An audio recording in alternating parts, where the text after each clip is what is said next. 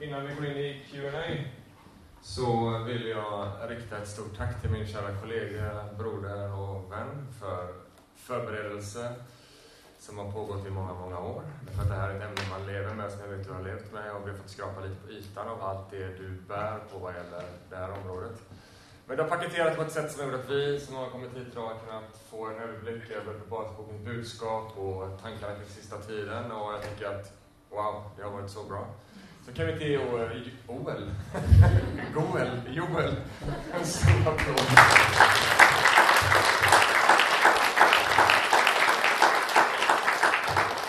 Jag vi fortsätter också ett jättetack till Louise och Malin som har roddat fika.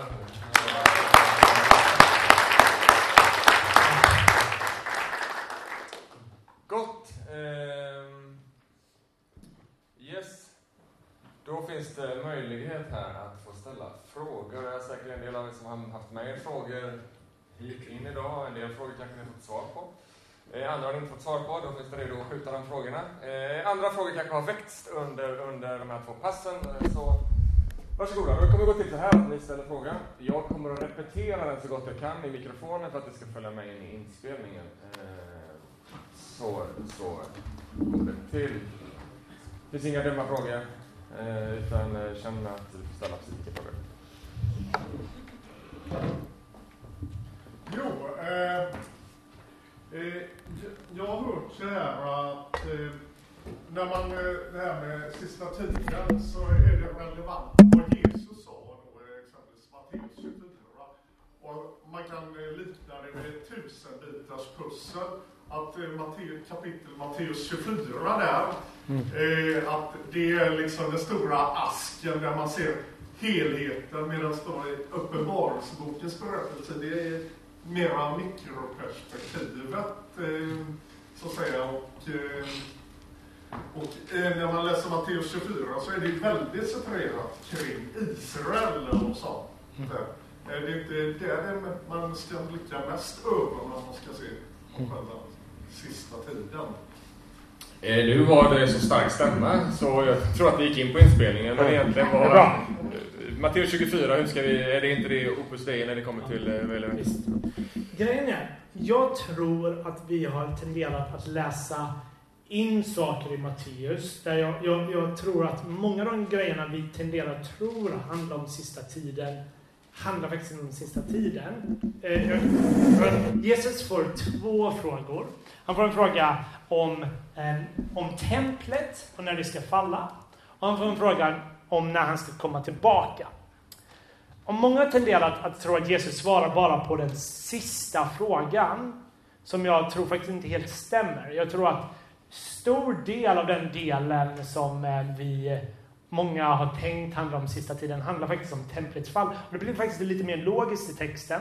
För att i början talar han om att det kommer en massa tecken precis innan det här sker. Och sen i slutet av kapitlet pratar han om inget tecken, det kommer bara komma plötsligt. Och man bara, men vad händer? Och det är för att jag tror han svarar på två olika frågor. Där jag tror första frågan handlar om, men innan templet faller så kommer alla de här grejerna vara. Hoppas att det inte sker på en sabbat för då är affärer stängda, då kan inte köpa grejer och så vidare. Eh, han pratar till och med hur man kan fängslas av judiska rådet som är någonting som de inte har någon auktoritet efter templets fall och så vidare. Medan efter så pratar han men ingen vet om när, eh, när sonen kommer tillbaka. Istället så börjar Jesus prata om Ja, men det finns två sätt att vara, men, eh, två sätt att vänta på Jesus. Eh, ena eh, som man ska leva samtidigt. Han, han gör många liknelser i sen i Matteus 25 där det handlar om var redo att Jesus kan komma när som helst. Var redo att hans återkomst blir fördröjd om 70-80 år. Alltså, bind er inte denna världen, men, men organisera era liv. Så, här. så där tror jag att han pratar mer om förhållningssätt. Så, här. så jag tror de, de detaljerna eh, läser jag faktiskt själv att det handlar snarare om templets fall snarare än om Jesu återkomst.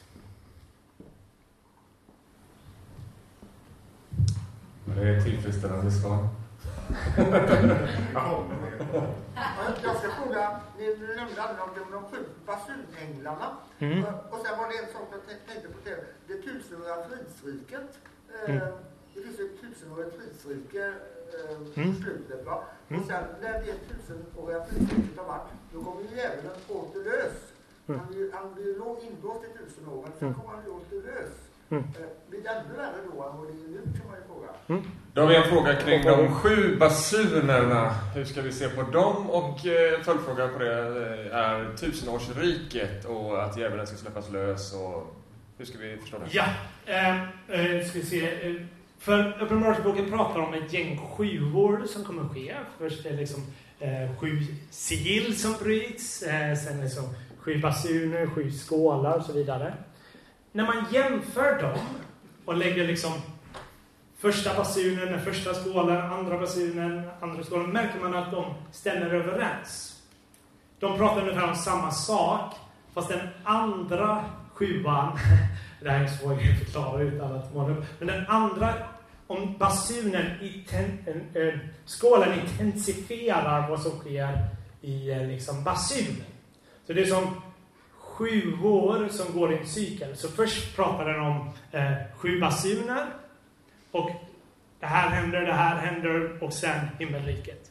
Sen kommer sju eh, eh, skålar där det här ska hända, det här ska hända. Men då beskriver den samma verklighet fast lite mer intensivt. Så det är som nästan att den beskriver mer stegvis vad som ska ske. Liksom så, så den är lite svår att bara kopplat till en historisk händelse, men det är snarare hur den beskriver hur vissa saker sker mer intensivt. Men, men, men eh, jag svarar så, man behöver egentligen lite tabeller för att se detta. Det är svårt att prata om det lite abstrakt. Alltså. Men, men tusenårsriket då. I Uppenbarelseboken 20 så nämns ett tusenårsrike. Och jag kan redan säga det här är det ämne inom sista tiden som kristna varit mest oenade om i 2000 år. För det har funnits ett gäng olika syner. Eh, där jag vill bara nämna de två vanligaste. Eh, ena synen, som kallas premillennialism, eh, beskriver lite det du beskriver. Eh, att eh, när Jesus kommer tillbaka så kommer det vara tusen, ett, så binds djävulen på något sätt. Och det kommer vara tusen år där saker är rätt gött och nice för Jesus är här. Men nya himlen och nya jorden har inte riktigt kommit än. Efter dessa tusen år släpps djävulen lös och Gud dömer den och då kommer nya himlen nya jorden. Det finns en annan syn som heter amillennialism, som är ett dåligt namn för det låter som en a, inget millennium, men det är inte vad man tror. Det är man tar mer tusenårsriket som lite mer symboliskt i bemärkelsen att tusenårsriket är redan här och nu. För Jesus kan själv prata om att han ser djävulen bindas i en bemärkelse i vad men när Jesus kommer, driver ut demoner och proklamerar Guds rike. Så redan då börjar djävulen kallas bunden. Eh, och då beskrivs det snarare som att när Jesus kommer tillbaka, då blir allting som nya himlen och nya jorden. Jag personligen lutar åt den sidan, även om Uppenbarelseboken 20 är faktiskt en jättesvår text, tycker jag, att tolka. Eh, jag, jag blir ibland galen när jag studerar den, för jag tycker ena stunden vill jag vara premillennialist, andra stunden vill jag vara amillennialist. Men, men, eh, men det är bra att ta upp Yes.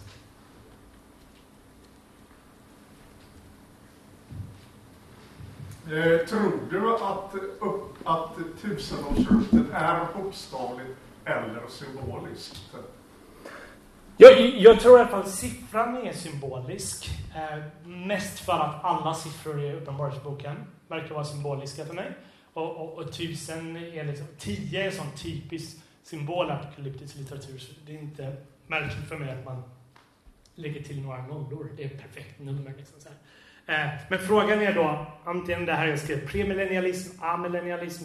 Eh, oavsett så tror jag inte det är exakt tusen år. Om det här som heter amillennialism är sant, att tusenårsriket är nu, ja då har det varit att det är över 2000, nej inte riktigt eftersom Jesus åkte upp till himlen. Ja, det beror på var man börjar räkna. Men, eh, men mer än tusen år. Om premillennialism skulle vara sant, att tusenårsriket är någonting kommande, skulle jag fortfarande misstänka att det är ingen exakt siffra. Eh, jag tror symbolvärdet är det centrala. Den andra döden. Mm. Jag tolkar det nästan så som att det finns en andra död. Det finns inte frälsning för alla. Mm. Det finns de som dör för evigt. Mm. Då har vi en fråga här om den andra döden. Eh, yes. Jag håller med dig. Eh, alltså, det tycks för mig vara en, en, en, beskrivning av, av helvetet. Om första döden när vi dör fysiskt så pratar vi om en annan typ av död. Det eviga helvetet. Mm.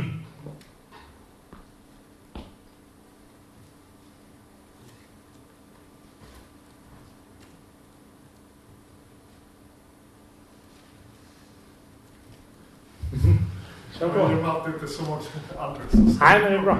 Ingen, ingen problem. Eh, Kör på. Ja, nu ska jag se vilken av dem.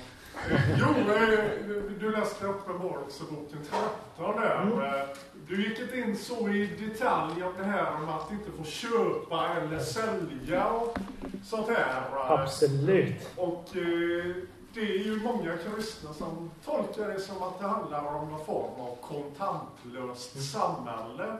Och ja, då blir det ju en mer bokstavlig tolkning. Men alltså jag har läst en del kristna predikanter som talar mer symboliska. Och i, i Sverige så är det ju väldigt mycket personer som chipmärker sig mm. liksom. Ja, de är spårade. Jättebra, jag hoppades att jag skulle få den frågan. Så jag hade inte med den, för den brukar alltid komma. Han blev nervös där var tyst, men det är bra. Eh, behöver vi återge frågan? Jag tror inte det. Nej. Precis, jag hoppade över eh, Vilddjurets eller odjurets märke. Men det står i slutet av Uppenbarelseboken 13. Och det ser eh, till att alla höga och låga, rika och fattiga, fria och slavar får märke på högra handen eller på pannan och att ingen kan köpa eller sälja utan att ha märket, odjurets namn eller talet för namnet. Här behövs vishet. Den som har förstånd ska tolka odjurets tal, till det är en människas tal. Och talet är 666. Eh, och du frågar specifikt om vilddjurets märke. Grejen är, eh, vad jag fick lära mig som tonåring, jag vet inte var jag lärde mig det, men någonstans var det en vanlig grej, man skulle få ett chip och man inte skulle kunna köpa och handla med de här grejerna. Jag köpte det, men, men eh, sen när jag studerade Uppenbarelseboken jag tyckte det är en väldigt svår tolkning att faktiskt ha till Uppenbarelseboken. Jag tror Uppenbarelseboken pratar faktiskt något mer allvarligt om någonting som faktiskt är relevant i alla tider, under alla 42 månaderna om man tänker att det är den tidsperioden det talas om. Det första jag vill notera är att det är inte bara de icke-troende som har märket, utan troende har ett annat märke. Här, i kap vi måste minnas att kapitelindelningar kom från eh, liksom, medeltiden, de är till hjälp. Men ibland missar vi att versen efter talar om samma sak. Så versen efter vers 18 i kapitel 14, vers 1. Här beskrivs de 144 000 och, och, jag vill redan säga nu, ni får gärna ställa en fråga om ni undrar. Jag, jag är väldigt säker på att 144 000 är ett symboliskt sätt att prata om alla kristna. Eh, så ni får gärna ställa en fråga om det. Men eh, köp vad jag säger eh, så länge. Eh, där beskrivs det att alla 144 000 har hans namn och hans faders namn skrivet på pannan. Inga jag vet tar den eh, texten eh, bokstavligt, att kristna ska liksom chip eller något. Men, eh, mm, det är mer ett sätt att tala om vem de tillhör. Och det är hela poängen.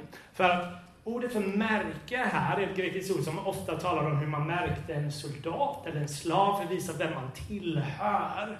Och det är därför jag tror att Uppenbarelseboken försöker säga Vem tillhör du? Who's your daddy? Odjuret eller lammet? Eh, om du följer lammet, då får du odjuret efter dig. Om du följer odjuret kommer du få stå till svars en gång inför lammet. Så där tror jag det är något mycket mer fundamentalt eh, som sägs. För jag har alltid tyckt logiken var konstig om det handlar om ett chip. Eh, för att, eh, ja, det beskrivs att alla som har märket är inte troende. Som ett spädbarn eller någonting får det tvingat, liksom, ah, kört. Liksom, så här. Men poängen är någonting mer fundamentalt. Vem tillber du? Vem ger du din Eh, hängivenhet till. Men då kan man undra, men, men det står massa grejer om pengar och så. Man kan köpa och sälja och så vidare. Och det tror jag är ett sätt att bara säga att, att, att följa Kristus kan ge ekonomiska konsekvenser. Det gjorde det för de första kristna i Rom att de inte deltog i kejsarkulten innebar att de inte kunde köpa och handla på samma sätt som innan. Så det gav dem de kände, många kände press, ja men jag måste göra detta för att kunna eh, liksom, ha en god ekonomi. Eh, att delta, att tillbe kejsaren. Och därför tror jag det var ett, ett uttryck för att, att följa Kristus kan ta ekonomisk förföljelse. Eh, men jag vill också lyfta upp femte Mosebok som säger så här. Ni ska lägga dessa mina ord på ert hjärta och ert sinne och binda dem som ett tecken på er hand och det ska vara som ett, ett band till påminnelse på er panna. Om ni går till konservativa judar, om ni åker till Israel så kommer ni hitta många judar som har ett band och en liten eh, grej här där de har liksom en liten text på det judiska Shema, Gud är en. Och det är ett sätt att liksom för dem att symboliskt och konkret säga vi är committade till det här, vi är hängivna till det där.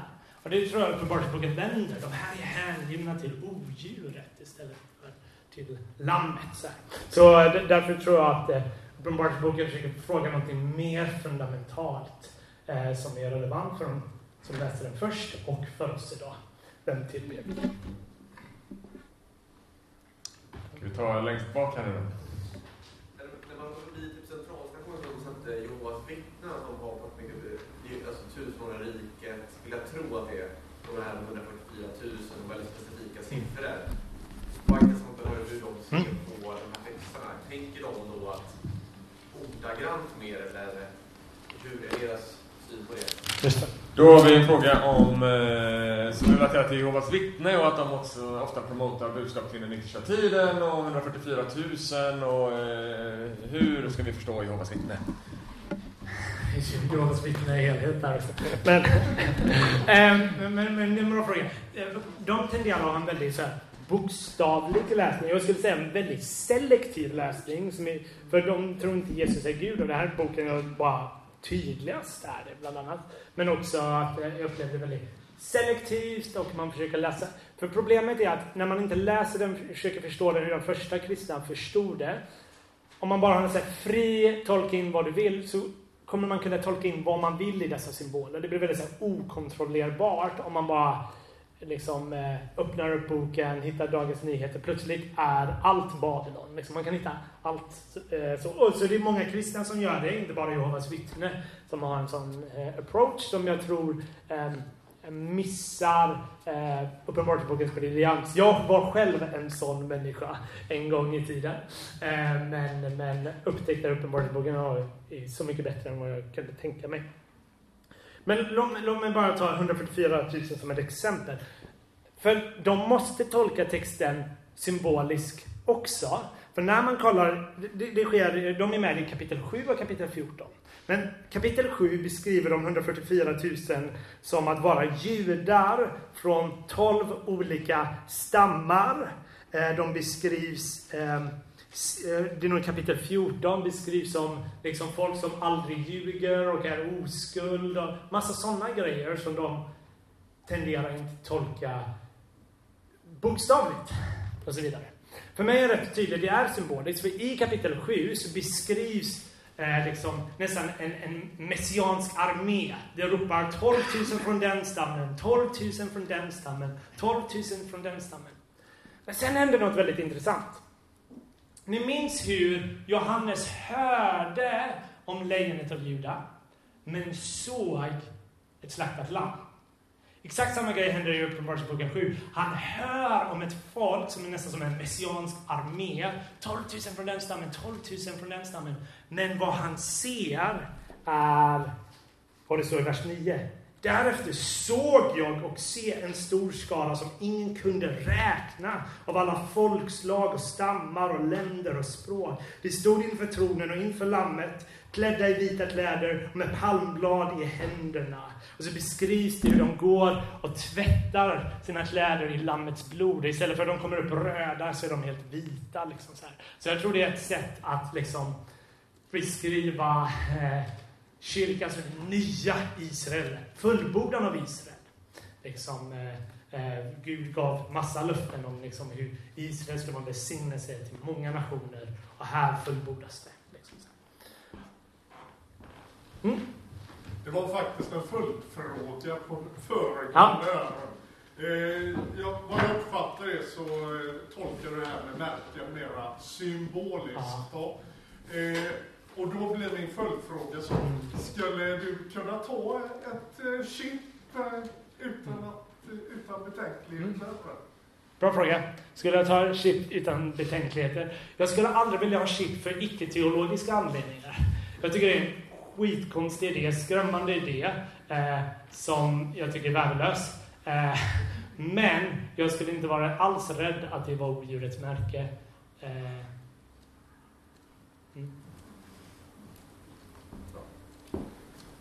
Mm. Jag vill fråga en sak till. Det var yttersta tiden. Vi mm. lever ju i den yttersta tiden nu. Ja. Man säger jorden har varit funnits i miljarder år. Den säger vetenskapen att jorden kan vara skapad. Det står inte i Bibeln när, vilket årtal jorden var skapad, de här sju dagarna. Mm. Eller hur långa de här sju dagarna var. För Gud har ju ingen, Gud är ett år som tusen år. Eh, på yttersta tiden, om, om Jesus kommer tillbaka imorgon eller om han kommer om tusen år, mm. tiotusen år, så är det ändå en väldigt kort tid kvar om man jämför med mm. miljarder. Sant. Ja. Mm.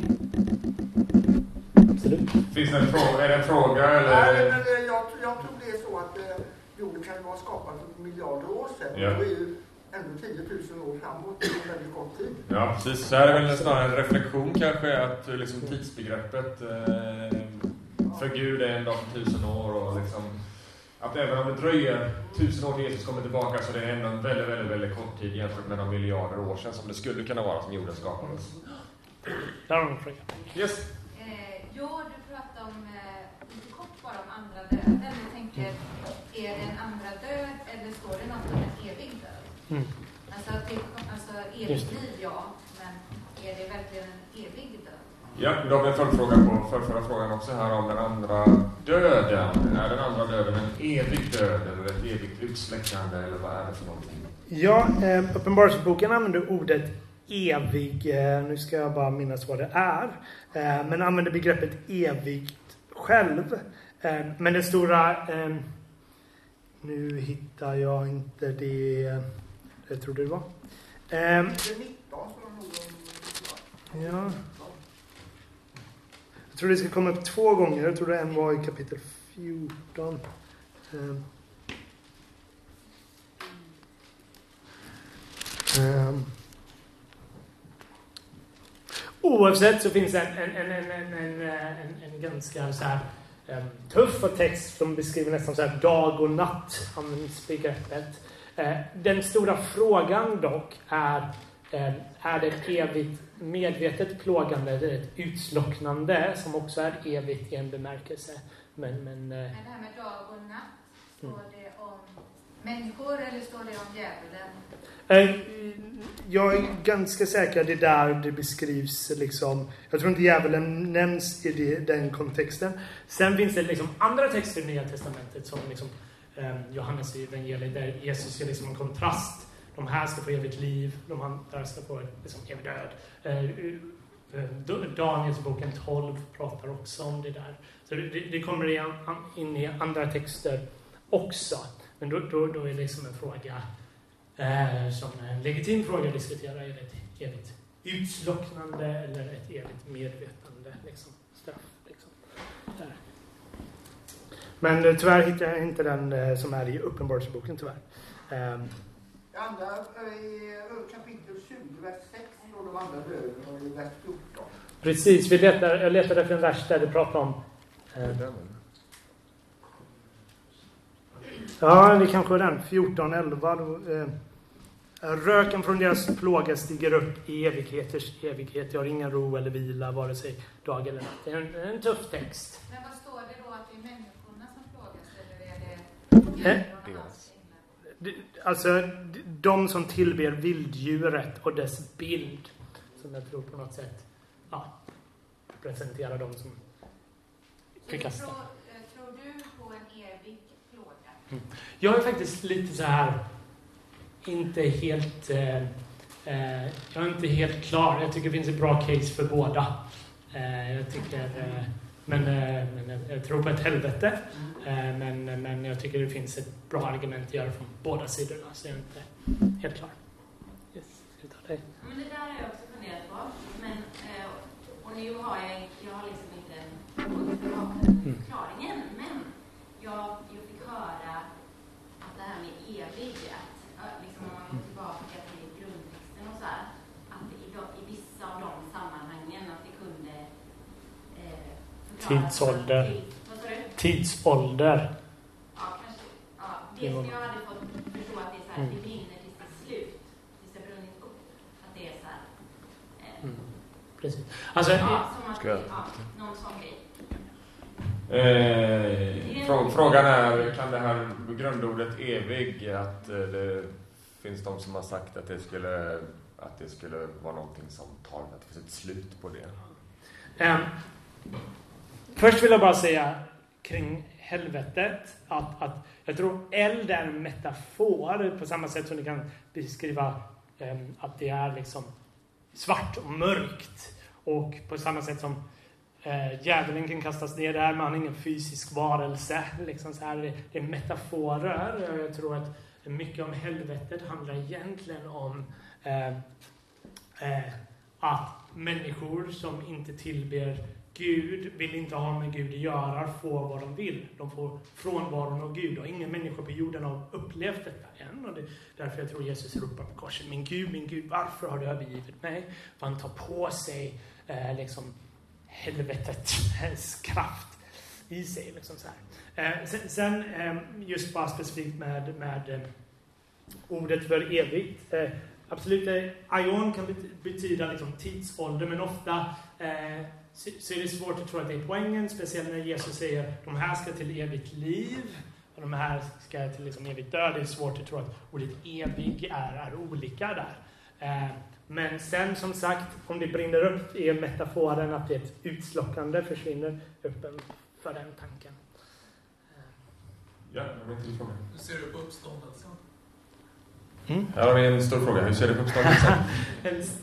Som som Nej Eh, nej, men alltså, Jesus uppstod fysiskt från de döda. Jag tror att vår tro står och faller på den sanningen. Paulus verkar tro det i första Korinthierbrevet 15 där han försöker säga liksom allt står och faller på att, att, eh, att Jesus uppstod. Och ständigt i Nya Testamentet beskrivs det att han är den första av många. Det betyder att vi alla som sätter vår förtröstan på honom ska också uppstå.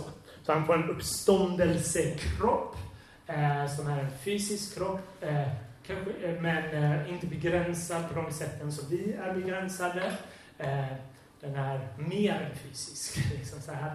Eh, och ja, precis. Så ja, Men när sker det? vid Jesu återkomst. Så var är Levi Petrus idag?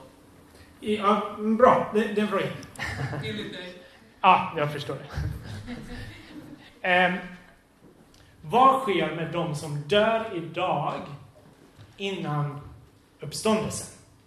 Jag skulle säga att det finns två syner. Ena är att man kommer i något sånt här sömntillstånd. Som, det är som att man sover fast man bara vaknar upp när det är eh, uppståndelse, uppståndelse. Jag tror att det finns rätt bra stöd att faktiskt tro att att vi är faktiskt medvetna. För mig tycks det nya eh, testamentet lära ut att när vi dör innan Jesu återkomst så kommer vi till Kristus i ett icke-fysiskt tillstånd. Eh, delvis kan Jesus säga till rövaren på korset, redan idag ska vi vandra i paradiset. När, när Paulus i Filipperbrevet 1 håller på att brottas med, han, han, han inväntar domen i fängelset, ska han dö eller ska han leva? Och han är bara, Ah, om jag dör får jag hänga med Kristus, om jag får leva får jag leva med Kristus. Jag har beslutsångest typ. Eh, men dö är för honom att komma till Kristus. Så, så det tycks för mig att Levi Petrus hänger med Kristus i paradiset som ett icke-fysiskt tillstånd. Men det slutgiltiga hoppet i hur det här himmelriket som han är i ska komma ner till jorden och himmelen och jorden blir ett. För jag tror, att, jag tror personligen inte att jorden kommer förintas utan precis som vår uppståndelsekropp så kommer vi uppstå från förnyad kropp. Så jag tror jag den här himmelen kommer förnyas.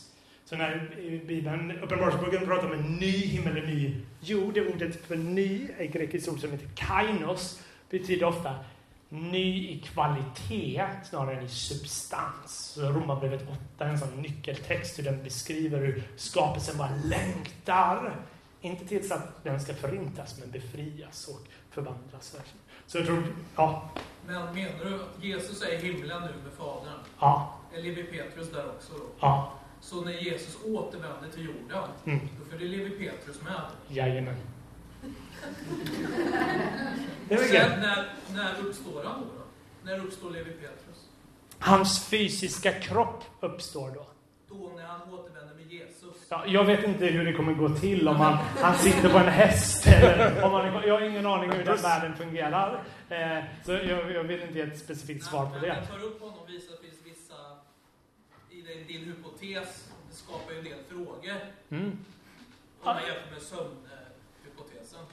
Ja, eh, absolut. För mig tycker jag inte de är så stora problem att, att veta eh, hur saker och ting i himlen fungerar. Jag har ingen aning hur det funkar. Men det tycks för mig att, att Bibeln lär ut två saker. Att vi är medvetna, vi kommer till Kristus i paradiset när vi dör. Fast paradis och himmel är inte samma sak.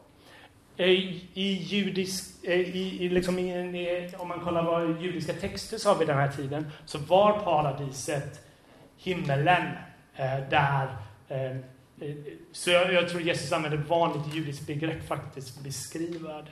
Bara ett litet argument. Mm, När jättegärna. Jesus efter korset, vart är han då? Under de här tre dagarna? Jag tror han är med Krist, i himmelen. Jesus? Ja, precis. Jag vet att... Jag, eh, Okej, nu tar vi en grej i taget. men ja, absolut, jag, jag, jätte, jag pratar jättegärna om det här. För absolut, i vår trosbekännelse så är det liksom eh, att han gick ner till dödsriket. Väldigt många av kyrkofäderna tolkar som, som jag gör, att de menade graven. Han begravdes. De menade, många av dem menade inte att Jesus faktiskt gick ner någon annanstans. Men du tänker på första Petrus-texten. Och där tror jag att där finns en märklig text, jag tror det är kapitel 2, där, där eh, eh, eh, Jesus, där jag personligen tror att det beskriver Jesus efter uppståndelsen kommer upp till himlen, Men det beskrivs aldrig, ordet för dödsriket används aldrig. Snarare tror jag att det står att han proklamerar sin seger. Eh, men den här segern tror jag att han proklamerar för eh, liksom andemakterna som har förlorat. Eh, för ordet för det stället han, han, han proklamerar sin seger är ett ord för fängelse, inte dödsriket. Och enda andra gången den förekommer i Uppenbarelseboken där andar är i ett fängelse. Så tror jag personligen så tror jag att det beskriver hur Jesus proklamerar min, sin seger där. Bara så jag förstår rätt, kristen, Mm. det är ju kristendomens grund.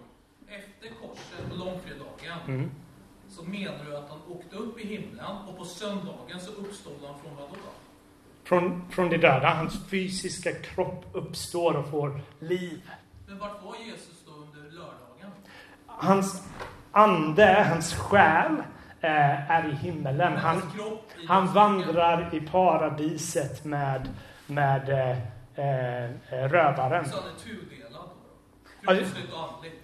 Jag tror att kroppen och anden kan skiljas åt, men de är tänkta att vara förenade. Så det är bara kroppen som uppstår på påskdagen? Det är kroppen och anden tillsammans, men absolut. Eh, eh, menar att anden flyger ner från himlen och kroppen dödsriket på söndagen, bara så jag förstår det. Jag vet inte hur det funkar med flyga och så vidare. Jag, jag ger mig inget påstående eftersom vi inte kan undersöka själar. Nej, hur nej, men funkar. bara så jag förstår, så är det tydligt. Du menar att Jesu ande är i himlen på lördagen Absolut. och på söndagen så uppstår hans kropp och anden går ihop då på söndagen. På något sätt. Ska jag, för en kommentar bara från mitt perspektiv är ju att, att han är ju den förstfödde han är den förstfödde uppstånden från de döda. Som en förebild på de många som ska uppstå från de döda. Så vad Kristus gör är att han gör precis vad som kommer att ske med Levi Petrus på den stora dagen när han kommer tillbaka. Det är att anden och kroppen förenas igen. De som sover i mullen uppstår. Och det är ju det som, det som ska ske. Hur himmel och jord återigen förenas igen. Hur, hur det fullkomliga möter det ofullkomliga och det ofullkomliga klängs i fullkomlighet. Så Jesus är den först, så det finns ju väldigt logik i detta. Jo, det är bara att det skapar problem påskafton. Ju tudelat. Med, med, Jo, men det är helt naturligt i det. Det om, är precis det som, som sker med Levi Petrus då. Ja, det är en tolkningsfråga. Det är precis, vi tolkar det. Annars ligger hans ande i jorden. Det är också... Eh, Gott. Klockan är ett så vi kanske yes, ska... ska vi ta en sista fråga här framme bara Ja. för att du flaggade Ja. ut, vinkade för länge sedan. Eh, men jag tänkte om du vill säga något om de två vittnena. Ah. Om det är kyrkan, vad Mm. betyder att de besegras? En sista fråga här om de två vittnena. Bra, bra. I Uppenbarelseboken 11 beskrivs två vittnen. Och de beskrivs, beskrivs i ljuset av många olika profeter.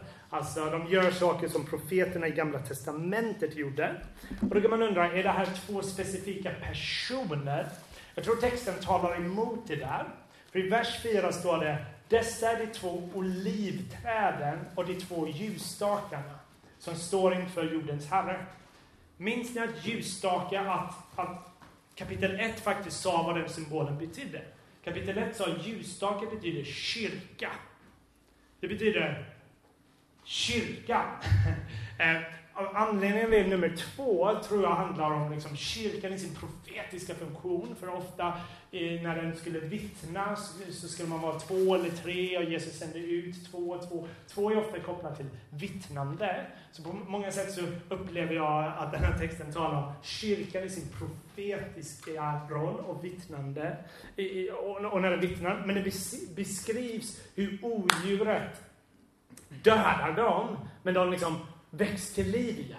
Och när de väcks till liv så sker det en massiv eh, omvändelse. Alla som ser vittnena omvänds.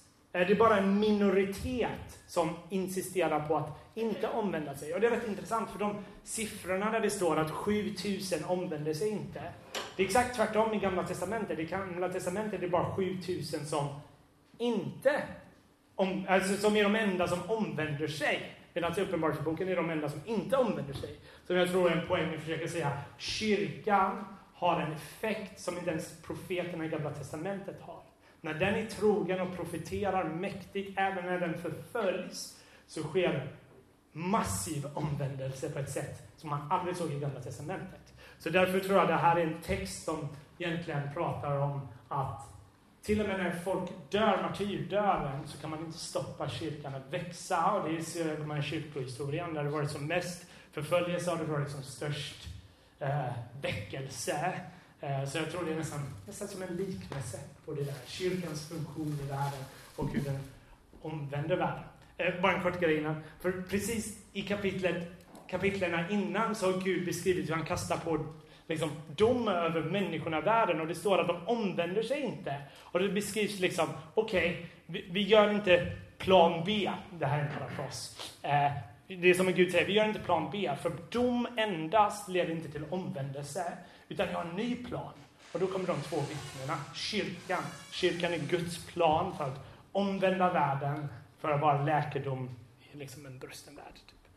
Så det tror jag berättelsen om de två vittnena handlar om.